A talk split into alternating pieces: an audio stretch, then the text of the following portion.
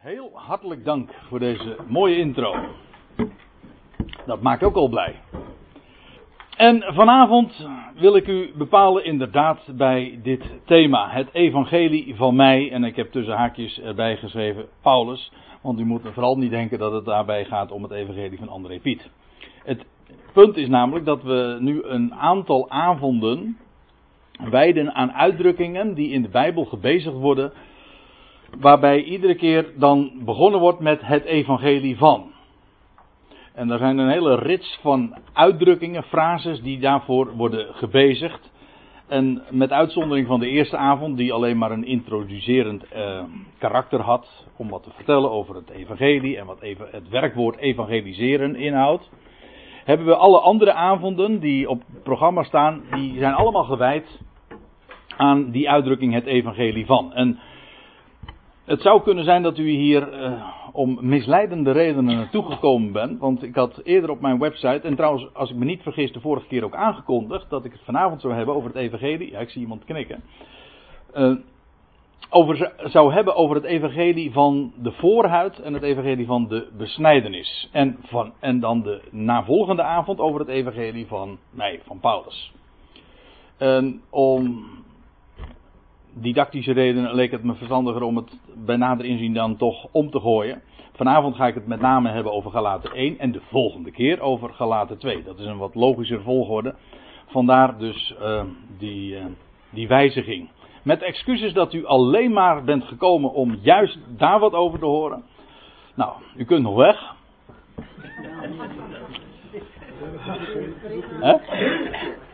Oh, de deur zit op slot. Oh. Het lijkt het ijzeren gordijn wil zeggen, je kan er niet meer uit. En wellicht is het nog nuttig om de voorgaande avond nog even in herinnering te roepen.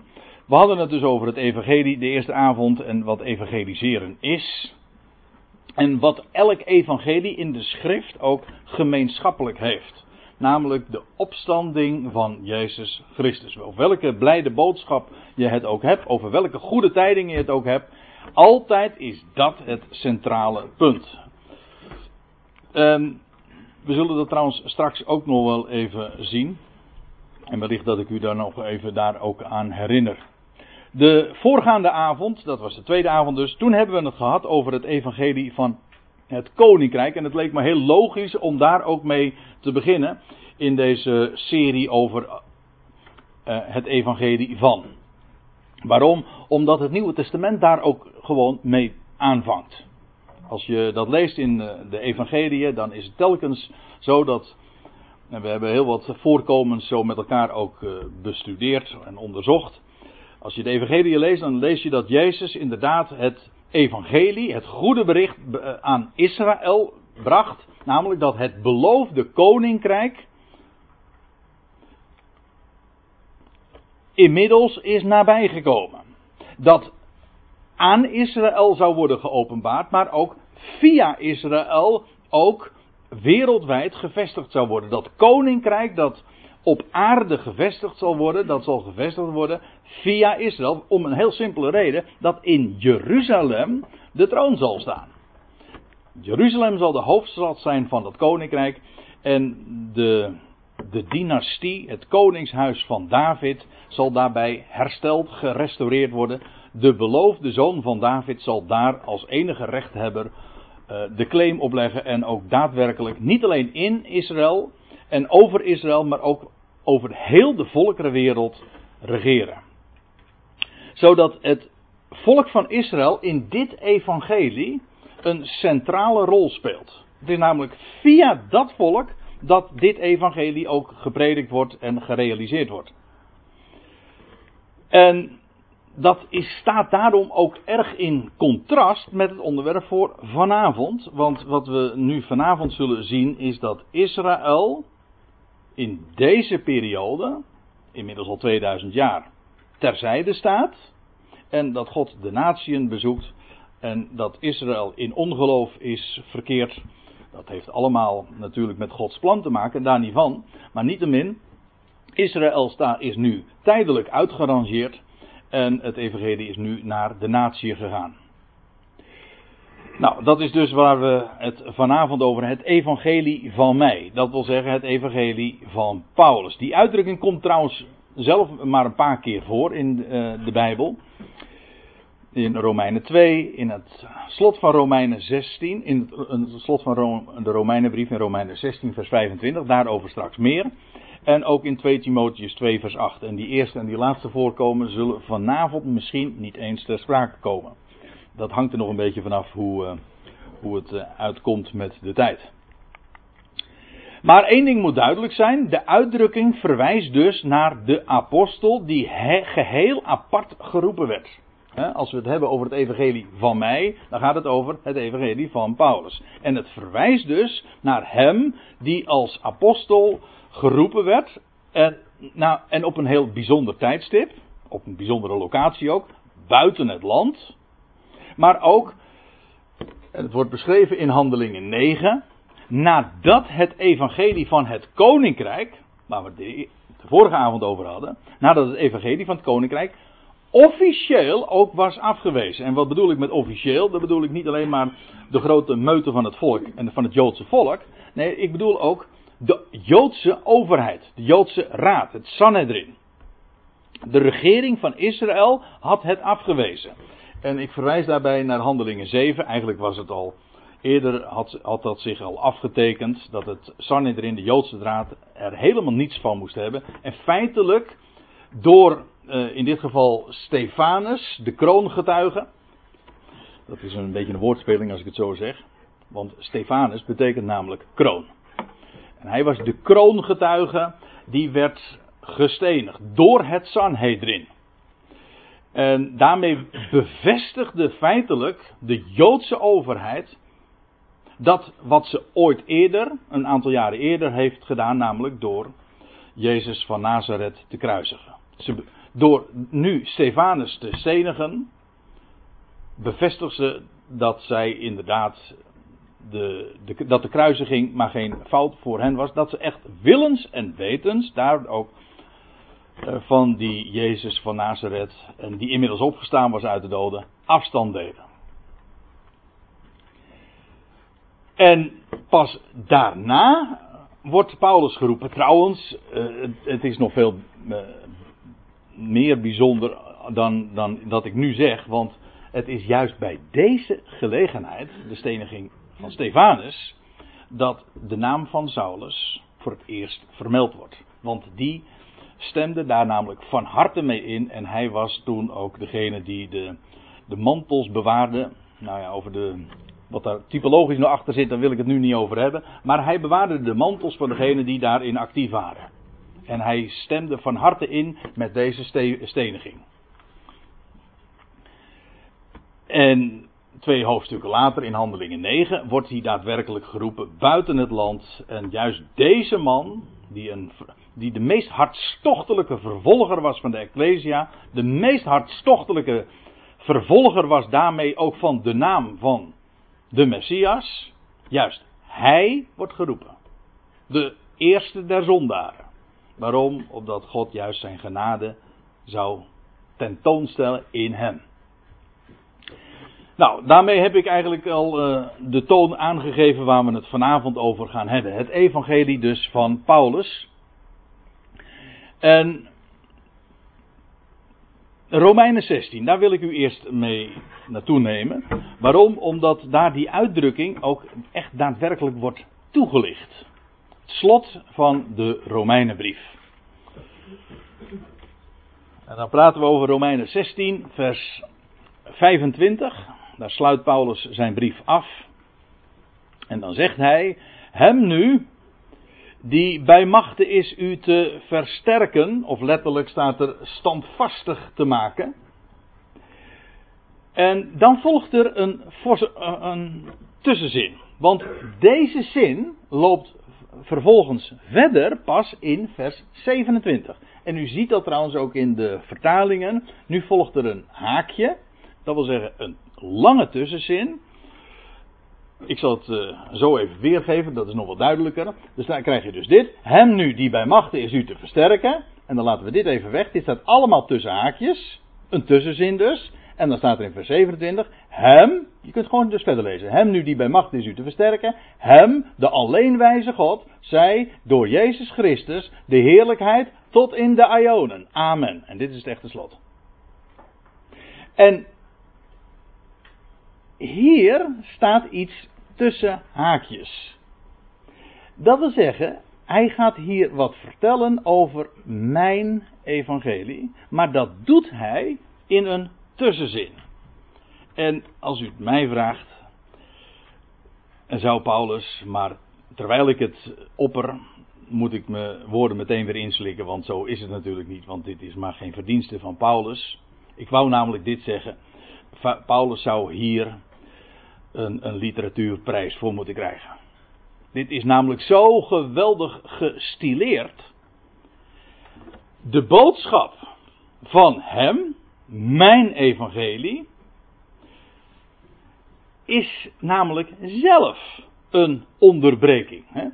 Paul, en trouwens, Paulus' naam verwijst zelfs naar een onderbreking, want Paulus' naam verwijst naar een pauze. Het ons woord Paulus, of eigenlijk moet ik het anders zeggen, ons woord pauze komt uit het Grieks. Pau betekent stoppen, in de zin dik, dikwijls ook van onderbreken. En daar is het woord Paulus ook van afgeleid. Er is veel meer over te zeggen dan dat ik nu zeg, want het heeft ook nog Latijnse achtergronden. Maar vanuit het Grieks is dit de betekenis. Paulus verwijst naar een pauze. In de, en waarom? Dat is niet zo moeilijk. Want weet, u waar u de. Ja, ik, elders. De andere donderdagen uh, geef ik studies in Rijnsburg en dan behandel ik de, de, het boek Handelingen. En daar hebben we uitgebreid nog bij stilgestaan, recentelijk. Maar je leest in Handelingen 13 dat voor het eerst sprake is van de naam van Paulus. En wanneer is dat? Wanneer hij voor het eerst naar de natieën gaat. En dan staat er Saulus, anders gezegd Paulus, en dan krijgt hij consequent vanaf dat moment pas de naam Paulus. Het heeft de, de naam Paulus heeft te maken met zijn bediening onder de natieën. En het is ook bij die gelegenheid dat hij, en nou doe ik even een beroep op uw Bijbelkennis, dat die Joodse tovenaar, die valse profeet Elimas, eh, die Paulus tegenwerkte, en dat die blind gemaakt wordt. Hij, hij wordt gestopt, daar wordt het woordje pauw ook gebruikt in het Grieks die Elimas wordt gestopt. Voor een tijd lang zou die blind zijn. Niet altijd, nee, voor een tijd. Dus Paulus gaat naar, eh, boodschap gaat, gaat naar de natieën. Die Jood wordt blind gemaakt, die tegenwerkt. Voor een tijd, voor een periode. Een onderbreking dus. En nou ja, dat is, loopt perfect parallel met eh, de geschiedenis van Israël. De boodschap ging naar Israël, eerst naar Israël. Israël wijst de boodschap af. En vervolgens gaat het tijdelijk naar de natieën. Door Israëls val. Om vervolgens weer de draad op te pakken met het volk. Nou, dat betekent dus dat in deze tijd. In die tijd van onderbreking. Het evangelie van Paulus verteld wordt kom daar straks uh, nog uh, uiteraard op terug, want ja, het is het grote onderwerp van, van deze avond ook. En een van de belangrijkste thema's ook van, uh, voor het verstaan van wie Paulus is en wat zijn boodschap is. Dit is buitengewoon cruciaal. Maar waar, wat ik nou in dit verband zo geweldig vind, en u ziet het hier ook gewoon prachtig ook uitgebeeld. Dit is een tussenzin. En in die tussenzin, in die parenthese, zo heet dat met een duur woord, een intermezzo, een onderbreking, zo wordt het ook naar voren gebracht. Paulus onderbreekt zijn zin, zet die zin vervolgens voort en het is eigenlijk één grote lofprijzing. Het is een lofprijzing naar de alleen wijze God. Aan wie de heerlijkheid zij in de Ionen. Wel, in die onderbreking, dat staat centraal. Dat is namelijk wat geëtaleerd wordt, maar in die onderbreking, daarin vertelt Paulus wat mijn evangelie is.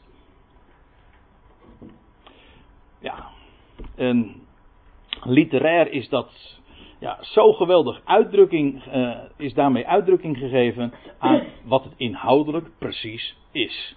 En daar bedoelde ik ook met te zeggen van, naar zo iemand die zulke dingen optekent, moet de literatuurprijs aan worden toegekend. Maar u begrijpt uh, dat is niet de gedachte, want dit is geïnspireerd. Er zijn trouwens meer voorbeelden van te geven waarbij je ook, uh, waar Paulus een in een tussenzin juist die verborgenheid uiteenzet. Voor de gravers onder u, e Efeze 3, misschien wel het hoofdstuk bij uitstek waarin Paulus uiteenzet wat de verborgenheid is. Ik zal je dit vertellen, Efeze 3 is een tussenzin. Althans, voor het grootste gedeelte. Ja, en in die tussenzin zet hij uiteen wat de verborgenheid is. Weer precies dezelfde gedachte. Ik ga verder. Hem nu die bij macht is u te versterken, en nou volgt dus die, tussenzin, die onderbreking, naar mijn evangelie. En dat verwijst naar wat hem als geheim is geopenbaard, want dat zal vervolgens ook uh, in, in de rest uh, van deze woorden en deze zinsdelen worden uiteengezet. Naar mijn evangelie. Het is dus heel. Het heeft iets te maken met wat specifiek aan hem is toevertrouwd. Vandaar ook dat hij dus zegt: Mijn evangelie. Niet dat van anderen, nee, het is aan mij geopenbaard en mij bekendgemaakt. En de prediking, zegt hij, de proclamatie, de herautboodschap, dat is eigenlijk wat het is. De prediking van Jezus Christus. Jezus, die is de Messias. Heel dikwijls schrijft Paulus ook Christus Jezus. Hier zegt hij de, de herautboodschap van Jezus Christus naar de openbaring, naar, dat betekent in overeenstemming met, de onthulling van een geheim. Hier ziet u dus dat evangelie van mij, van Paulus, dat is, hoezo mijn evangelie? Wel, eh, hem is een geheim onthuld, bekendgemaakt, geopenbaard. De onthulling van een geheim, en dan, en dan zegt hij vervolgens, eeuwenlang, ja staat er in onze vertalingen dan, letterlijk staat er, Ionische tijden. Zo'n uitdrukking zet eh, een hele, hele klassieke theologie. Dat klinkt misschien wat, uh, wat uh, erg aangedikt, maar dat is denk ik echt niet het geval. Maar zo'n uitdrukking als Ionische tijden zet een hele theologie op zijn kop. Want hier uit zo'n uitdrukking blijkt dus dat een aion, men zegt altijd, men spreekt in de klassieke theologie over tijd en eeuwigheid. Dat zijn twee dingen, die hebben niks met elkaar te maken. En Paulus spreekt doodleuk, en dat doet hij trouwens drie keer hoor. Deze uitdrukking vinden we in de brieven drie keer zelfs. Dan spreekt hij over aionische tijden. Eeuwige tijden. Hoe men zegt, een aion dat duurt eindeloos. Nou, de, Paulus zegt, aionische tijd. Een aionische tijd is een tijd der Ion. Van een Ion. En die wordt weer opgevolgd door een andere Ionische tijd. De, hele, de uitdrukking is zo veelzeggend. En elders in 2 Timotheus lees je zelfs over voor-Ionische tijden. Dat betekent dus dat die tijden van de Ionen een aanvang hebben gehad. Want er was iets voor zelfs. En ze volgen elkaar op. Hier zegt hij dat hem een geheim is geopenbaard. En vandaar dus mijn evangelie. En in Ionische tijden, in de tijden der eeuwen, zo u wilt, de, de wereldtijden die voorafgegaan waren, was dat verzwegen. Niet over gesproken. Met andere woorden, dus verborgen. Deze waarheid trouwens, dat dat verzwegen is en dat het niet geopenbaard is in vroegere tijden, dat staat niet alleen hier, maar u kunt dat ook lezen in Colossense 1. En hij zegt dat in Efeze 3, waar ik zojuist al even op, uh, op wees. Allemaal de, dezelfde gedachte. In vroegere geslachten is dat niet geopenbaard. Het is aan hem als een geheim geopenbaard. Dus we praten over iets gigantisch. Wat altijd verzwegen is, waar nooit over gesproken is, wat verborgen was, dat is aan één iemand geopenbaard. En vandaar dat Paulus zegt, is mijn evangelie. En waarmee heeft dat te maken? Nou, laten we nog even uh, verder lezen. Maar thans geopenbaard en door profetische schriften, volgens bevel van de eeuwige God. Nou ja, en zovoort. Maar laten we eventjes bij dit zinsdeel blijven. Even, even wat met de loep erop kijken. Dus het was Ionische tijden verzwegen, maar het is nu, thans, nu echter is het geopenbaard. Nu wordt het geopenbaard. Hoe? Zulke, je, je krijgt wat eh, kromme woorden of wat kromme. Het, het, als je die, naar die interlineair kijkt, dan zie je soms uh, woorden die je natuurlijk niet echt in een vlotte vertaling kunt verwerken. Dat begrijp ik ook wel. Maar ze werpen wel heel veel licht op hoe het precies er staat. Het betekent eigenlijk, als u ook kijkt naar geopenbaar gemaakt wordende. Dat wil zeggen, het is bezig, toen Paulus dit schreef, het is bezig geopenbaard te worden. Hoe? Wel, door profetische schriften. En profetische schriften, dan hebben we het dus inderdaad over Paulus' evangelie. En dat is waar Paulus nu juist mee bezig was. Toen hij deze Romeinenbrief optekende, was dat één zo'n profetisch schrift.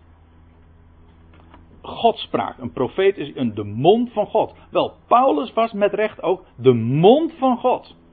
Al lang waren de dingen die hij nu door profetische schriften optekende en zo dus ook openbaar maakte. Het was voorheen altijd verzwegen. Nooit was daarover gesproken. En staat erbij volgens bevel of over, overeenkomstig een uitdrukkelijk bevel. Dat is het woord wat er gebruikt wordt in het Grieks. Een woord dat betekent dus met, een, het is met grote kracht. Het is maar niet vrijblijvend. Nee, de Ionische God. Hier, weer hetzelfde begrip. De Ion. Sorry? De. Ja, oh ja. Nou, dat, moet, dat moet ik nog inderdaad. Uh, weer te vluchtig gedaan, ja. Daar had ik eventjes de. de nee, dat heeft hier geen zin. De tekstcontrole, hoe noemen ze dat? Uh, even overheen laten gaan. De spellingscontrole, ja. ja. Maar goed. De Ionische God. Oftewel, dat is de God der Ionen degene die de Ionen maakt en plaatst. Prachtige term. Nou, die Ionische God. In de voorgaande zin was er sprake over Ionische tijden. Nu is er sprake over de Ionische God, de God van de Ionen. Wel, die beveelt nu uitdrukkelijk, zo moet het gebeuren. Alleen al die uitdrukking geeft aan dat hier een enorme kracht en autoriteit in doorklinkt. Wat Paulus vertelt en optekent en zo dus openbaar maakt, is niet vrijblijvend. Zo moest het. Naar het uitdrukkelijke bevel van de Ionische God. En dan staat er tot bewerking van gehoorzaamheid des geloofs. Of eigenlijk staat er gewoon tot in gehoorzaamheid van geloof. En als u de Romeinenbrief een beetje kent, dan weet u, hey, die uitdrukking die was ook al eerder, sterker nog, aan het begin van de brief genoemd. Gehoorzaamheid van geloof. In een soortgelijk verband trouwens. En die uitdrukking heeft te maken met. Ja, met twee dingen. Met gehoor geven. Gehoorzaamheid is gehoor geven aan. En geloof in de hele Romeinenbrief staat tegenover werken. Het is geloof, het is werk. Het is een prachtig voorbeeld van, en Paulus wijt er in een heel hoofdstuk in de Romeinenbrief aan, Romeinen 4, aan Abraham. Abraham die ook een, een woord van God kreeg, een belofte. Niet, hij kreeg geen opdracht, want dat is met een opdracht werkje. Nee, hij kreeg een belofte zo, u weet wel, hè, toen hij naar de sterrenhemel mocht kijken en toen hij de woorden te horen kreeg, de kinderloze Abraham, met een onvruchtbare vrouw. De leeftijd die ook al niet erg mee zat, om zo te zeggen. Later onmogelijk werd het, werd het naar de mens gesproken, maar dat, dan begint God altijd. Tegen die Abraham wordt dan gezegd: Zo zal jouw nageslacht zijn.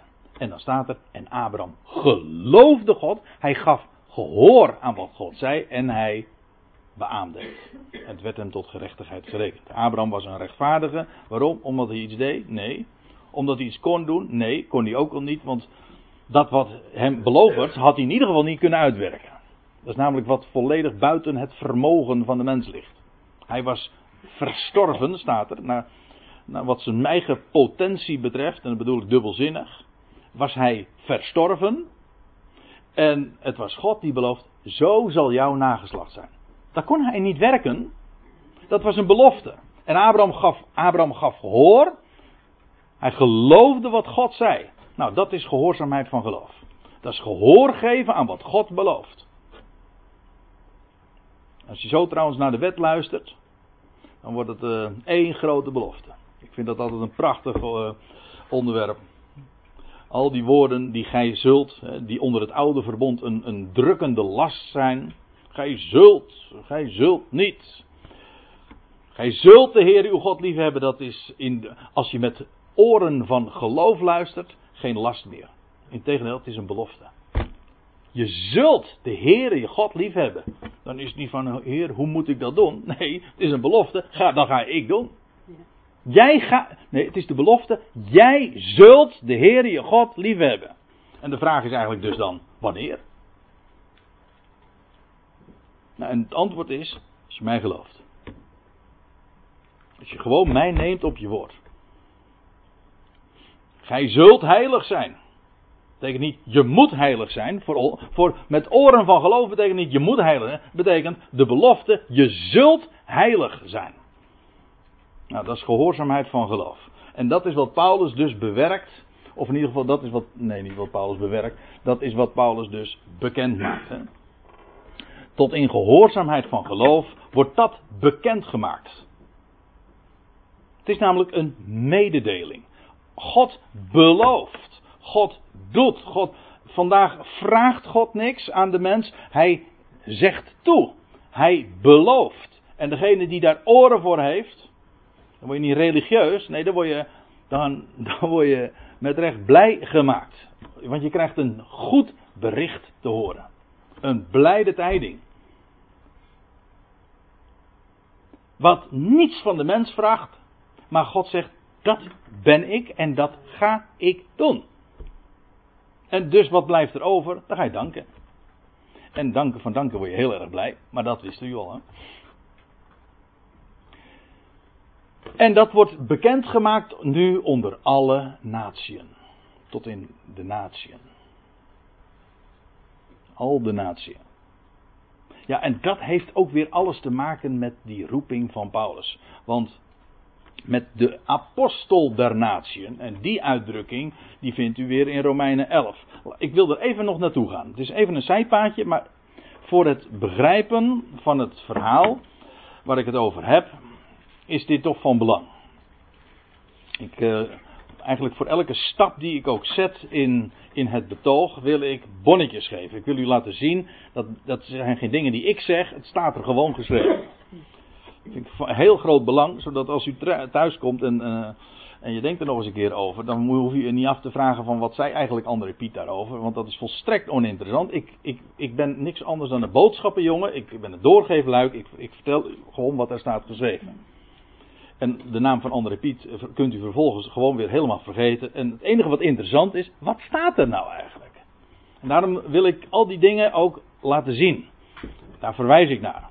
Nou, in Romeinen 11 staat er, door hun, en dan gaat het over Israël, lees het maar na. In die hoofdstukken gaat het trouwens helemaal over Israël. Door hun val, hun misstap eigenlijk, staat er. Door hun misstap is het heil, de redding, tot de natieën gekomen.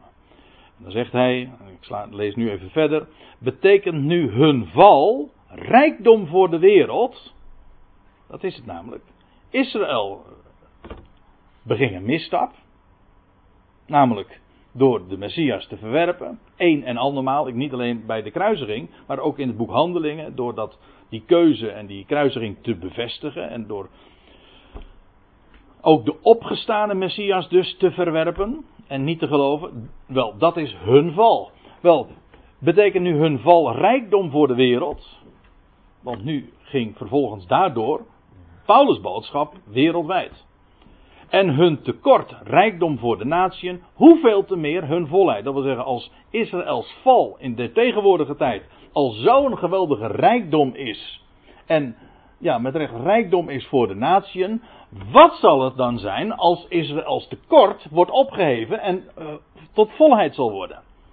Dat wordt, dat is, dat zegt Paulus dan later in ditzelfde hoofdstuk. Dat is niet anders dan leven uit de doden. Dan wordt het inderdaad voor Israël ook Pasen. Dan zal het volk ook op de derde dag opstaan uit de doden en herleven. Denk maar aan die profetie over die door de doodsbeenderen. En dan zegt Paulus in vers 13: Ik spreek tot u natieën, juist omdat ik apostel der natieën ben. Hoe, hoezo?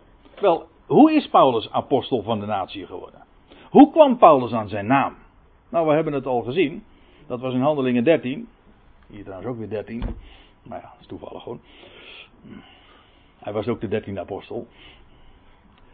Maar goed, dat, zijn, eh, dat is een beetje associatief denken, heet dat. In elk geval, hoe werd Paulus apostel? Juist door Israëls val en doordat de boodschap naar de natieën ging. Daardoor. Paulus werd apostel der natieën door Israëls val. Nou, en dan zegt hij nog, want indien hun verwerping de verzoening van de wereld is, want nu gaat de boodschap van de verzoening der wereld wereldwijd. Dat wil zeggen, wordt onder de natieën gebracht. De boodschap van de verzoening der wereld, dat is karakteristiek voor deze periode. Dat wil zeggen, voor deze pauze, voor deze onderbreking in de heilshistorie. Wat wordt er verteld? Is Israëls is gevallen, jawel. Maar God zet straks weer de draad met het volk, of pakt hij de draad met het volk weer op. En in deze tussentijd is de boodschap rijkdom voor de natieën, en maar ook de verzoening van de wereld. En ik weet het, het volk dat geacht wordt de spreekbuis te zijn van God, en die alom die reputatie heeft, die heeft juist die boodschap verketterd. Hm? De verzoening der wereld. Hm? Daar, wordt worden etiketten opgeplakt en dat zijn grote vloeken. Juist gisteren was ik nog weer een artikel in een gerenommeerd christelijk blad. Maar in het alverzoening, dat moet toch wel verschrikkelijk zijn. Dat is vloeken in de kerk. Terwijl dat de verzoening der wereld nu juist het grote onderwerp is van mijn evangelie. Dat is juist wat hij vertelt. God verzoent de wereld. Ja. Afijn. Indien hun verwerping de verzoening der wereld is, wat zal straks hun aanwijzing anders wezen dan leven uit de doden? Dat is waar ik zojuist al even naar verwees, ja. Israëls herstel, dat is inderdaad niets anders dan leven uit de doden. En dan lees ik nog even verder in Romeinen 11. Want broeder, zegt hij dan, opdat ge niet eigenwijs zoudt zijn. De natieën, die hoeven zich niks te verbeelden, want hij richt zich tot de natieën. Hij zegt, opdat je niet eigenwijs zoudt zijn, verhef je nou maar niet tegenover Israël hoor. Hij zegt, ik wil jullie niet onkundig laten van dit geheimenis. Heb je het weer. Want Paulus is een geheim bekendgemaakt. Dat is juist mijn evangelie wil ik u niet onkundig laten van dit geheimenis. Een gedeeltelijke verharding is over Israël gekomen. Dat wil zeggen, er zijn, er zijn namelijk nog wel degelijk Israëlieten die wel geloven. Paulus was er zelf een van. Maar dat is slechts, die verharding over Israël is slechts, heeft een totdat. Namelijk als de volheid der natieën binnengaat. Ook de natieën komen tot volheid. Als die als die boodschap onder de natieën ook inderdaad compleet is geworden en als de natieën compleet geworden is en dat werk dat God vandaag verricht uh, zijn volheid zal hebben bereikt, wel dan, dan, maar ook op die wijze, al dus, zal gans Israël behouden worden. Dat zeggen heel het volk. Gelijk geschreven staat, de verlosser zal uit Sion komen en hij zal de goddeloosheden van Jacob afwenden. Dat is wat er dan gaat gebeuren. Dat is het volgende programmapunt. Vandaag leven we dus nog steeds in die onderbreking, in die pauze, in die tijd dat het de boodschap naar de natieën gaat vanwege Israëls val. Let even op, in het, de dagen van het koninkrijk gaat de boodschap en het heil ook naar de natieën, maar niet door Israëls val, maar juist door Israëls herstel. Israël wordt hersteld en in dat herstel delen de natieën. Nu is het precies omgekeerd.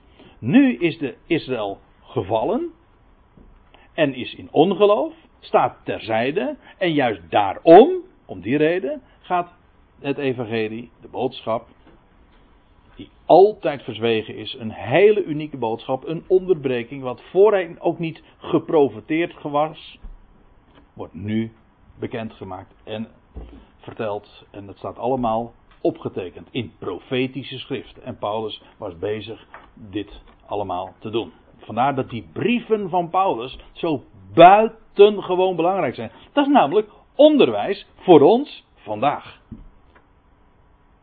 Heel de schrift is van, van God gegeven en van groot belang, helemaal en geïnspireerd. En diezelfde apostel Paulus zegt ook nuttig voor ons.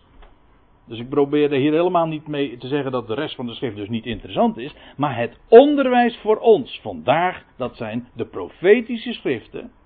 Die Paulus heeft opgetekend, waarin hij mijn evangelie, dat geheim van deze tussenperiode, bekend maakt, uitlegt, toelicht en uiteenzet en uitbazuint. Want het moet verteld worden, uiteraard.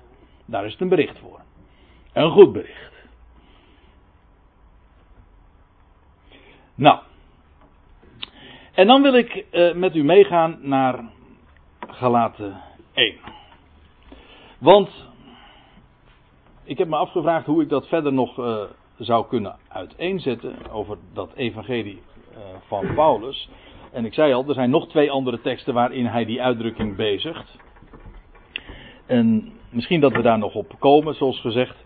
Maar ik wil eerst eens u meenemen naar Galaat 1, omdat er geen hoofdstuk is waarin hij zo duidelijk aangeeft waarom die boodschap van hem, dat evangelie dat hij onder de natieën predikt, zo uniek is. En wat de oorsprong daarvan is. En dan heeft hij het over zijn apostelschap. Dan heeft hij het over zijn evangelie. En dan heeft hij het ook over zijn bediening. En ik zal het u straks ook in drie passages in dit ene hoofdstuk eh, laten zien. Maar laten we eerst eens naar Galaten 1, vers 1 gaan. Dus als Paulus binnenkomt. Hij heeft een uh, ernstige boodschap aan die Galaten. Waarom? Om, hoezo ernstig? Wel, ze waren van het goede bericht afgeweken. En ze waren van geloof verzeild geraakt in werken. En dan wordt Paulus furieus. Maar daar zullen we trouwens vanavond niet over hebben, want dat is niet uh, het thema van. Het algehele thema van, van deze avonden, maar ook niet van deze specifieke. van dit specifieke onderwerp. Maar laten we eens kijken. In Gelaten 1 vers 1. Daar zegt Paulus. Hij begint dus met zijn naam. Dat meteen dus alweer herinnert aan zijn unieke bediening voor de natieën. Want dat is waar de naam Paulus aan refereert. En die pauze. Paulus zegt hier dan, ik ben, hij, Paulus, wat is hij? Hij is een afgevaardigde. Een apostel. Afgeva dan moet je eigenlijk, kijk, het woordje apostel, dat, uh, dat realiseerde ik me vorige week juist in een gesprek. Kijk, het woordje apostel is bij ons gewoon een, ja, een term die op zichzelf staat. De meeste mensen weten eigenlijk helemaal niet wat het betekent. Het is een Grieks woord, maar als je zegt een apostel, dan hoef je niet, dan roept dat geen vraag op. Maar op het moment dat ik zeg, hij is een afgevaardigde, dan is dat een, dan is dat een woord waarin informatie weggelaten wordt. Want als ik zeg afgevaardigd, dan, dan stel je meteen de vraag: van wie? Toch? Als je zegt afgevaardigd, dan suggereert dat dat je afgevaardigd bent door iets of iemand. Bij het woordje apostel denkt niemand eraan. Dat is, een op, dat is een op zichzelf staand woord geworden, zodat we daarmee de, de echte betekenis van dat woord zijn kwijtgeraakt. Het is een Grieks woord, maar we hebben het overgezet in het Nederlands. Daar heb ik geen moeite mee. Maar weet wel wat het betekent. Daarom hou ik ervan om het gewoon in het Nederlands te zeggen. Paulus zegt afgevaardigd.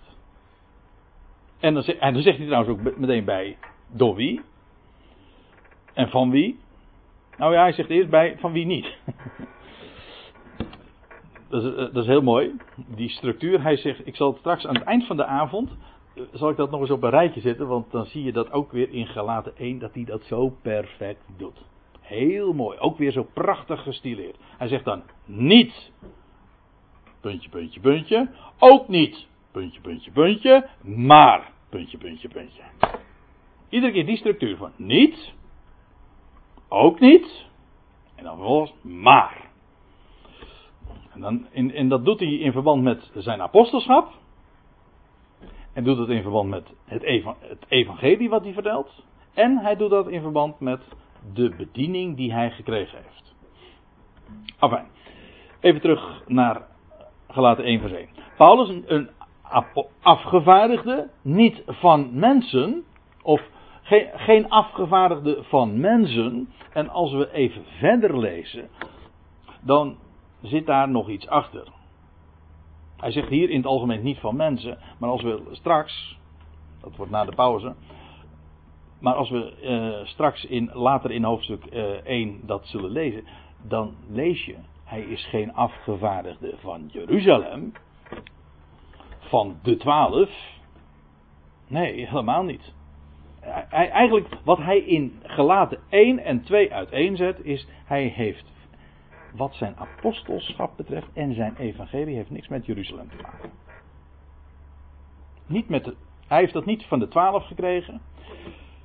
Hij is geen afgevaardigde van mensen, ook niet door een, door een mens tot afgevaardigde gemaakt. Door geen, hij is niet door een menselijke instantie, van welke aard en ook.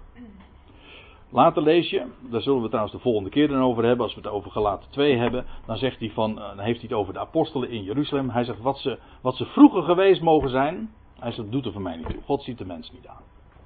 Hij zegt, en dan heeft hij het over mensen die zijn opleiding hebben genoten, daar aan de voeten van, van Jezus hier op aarde. Ja, maar Paulus' onderwijs, Paulus' evangelie is van een hoger niveau. En ik bedoel het zo letterlijk als ik het nu zeg. Hij heeft het namelijk van een, een veel hogere instantie gekregen. Niet van een menselijke instantie, maar zegt hij, door Jezus Christus. Hij is geen apostel van mensen. Hij is ook niet een apostel door een mens, maar door Jezus Christus. Niet door een mens, maar door de mens. De mens, Jezus Christus. U weet, er is één God. Nou ja, ik zeg u weet. Heel veel weten het niet hoor. Maar. Uh, wij wel. Er is, één, er is één God. Ja. En één middelaar van God en mensen. De mens, Christus Jezus. Die zich gegeven heeft tot een losprijs voor allen. Dat weet ook niet iedereen. Maar goed. Daarom Bijbelstudies geven is nog steeds niet overbodig hoor. Eigenlijk, dat vind ik prachtig. Als je, eh, zodra je bezig bent met de schrift, je leest dat nauwkeurig en je bent echt met de schrift bezig, dan doe je de een na de andere ontdekking. Zo staat dat er. Ik, dat is me nooit verteld. Dat wordt nooit verteld.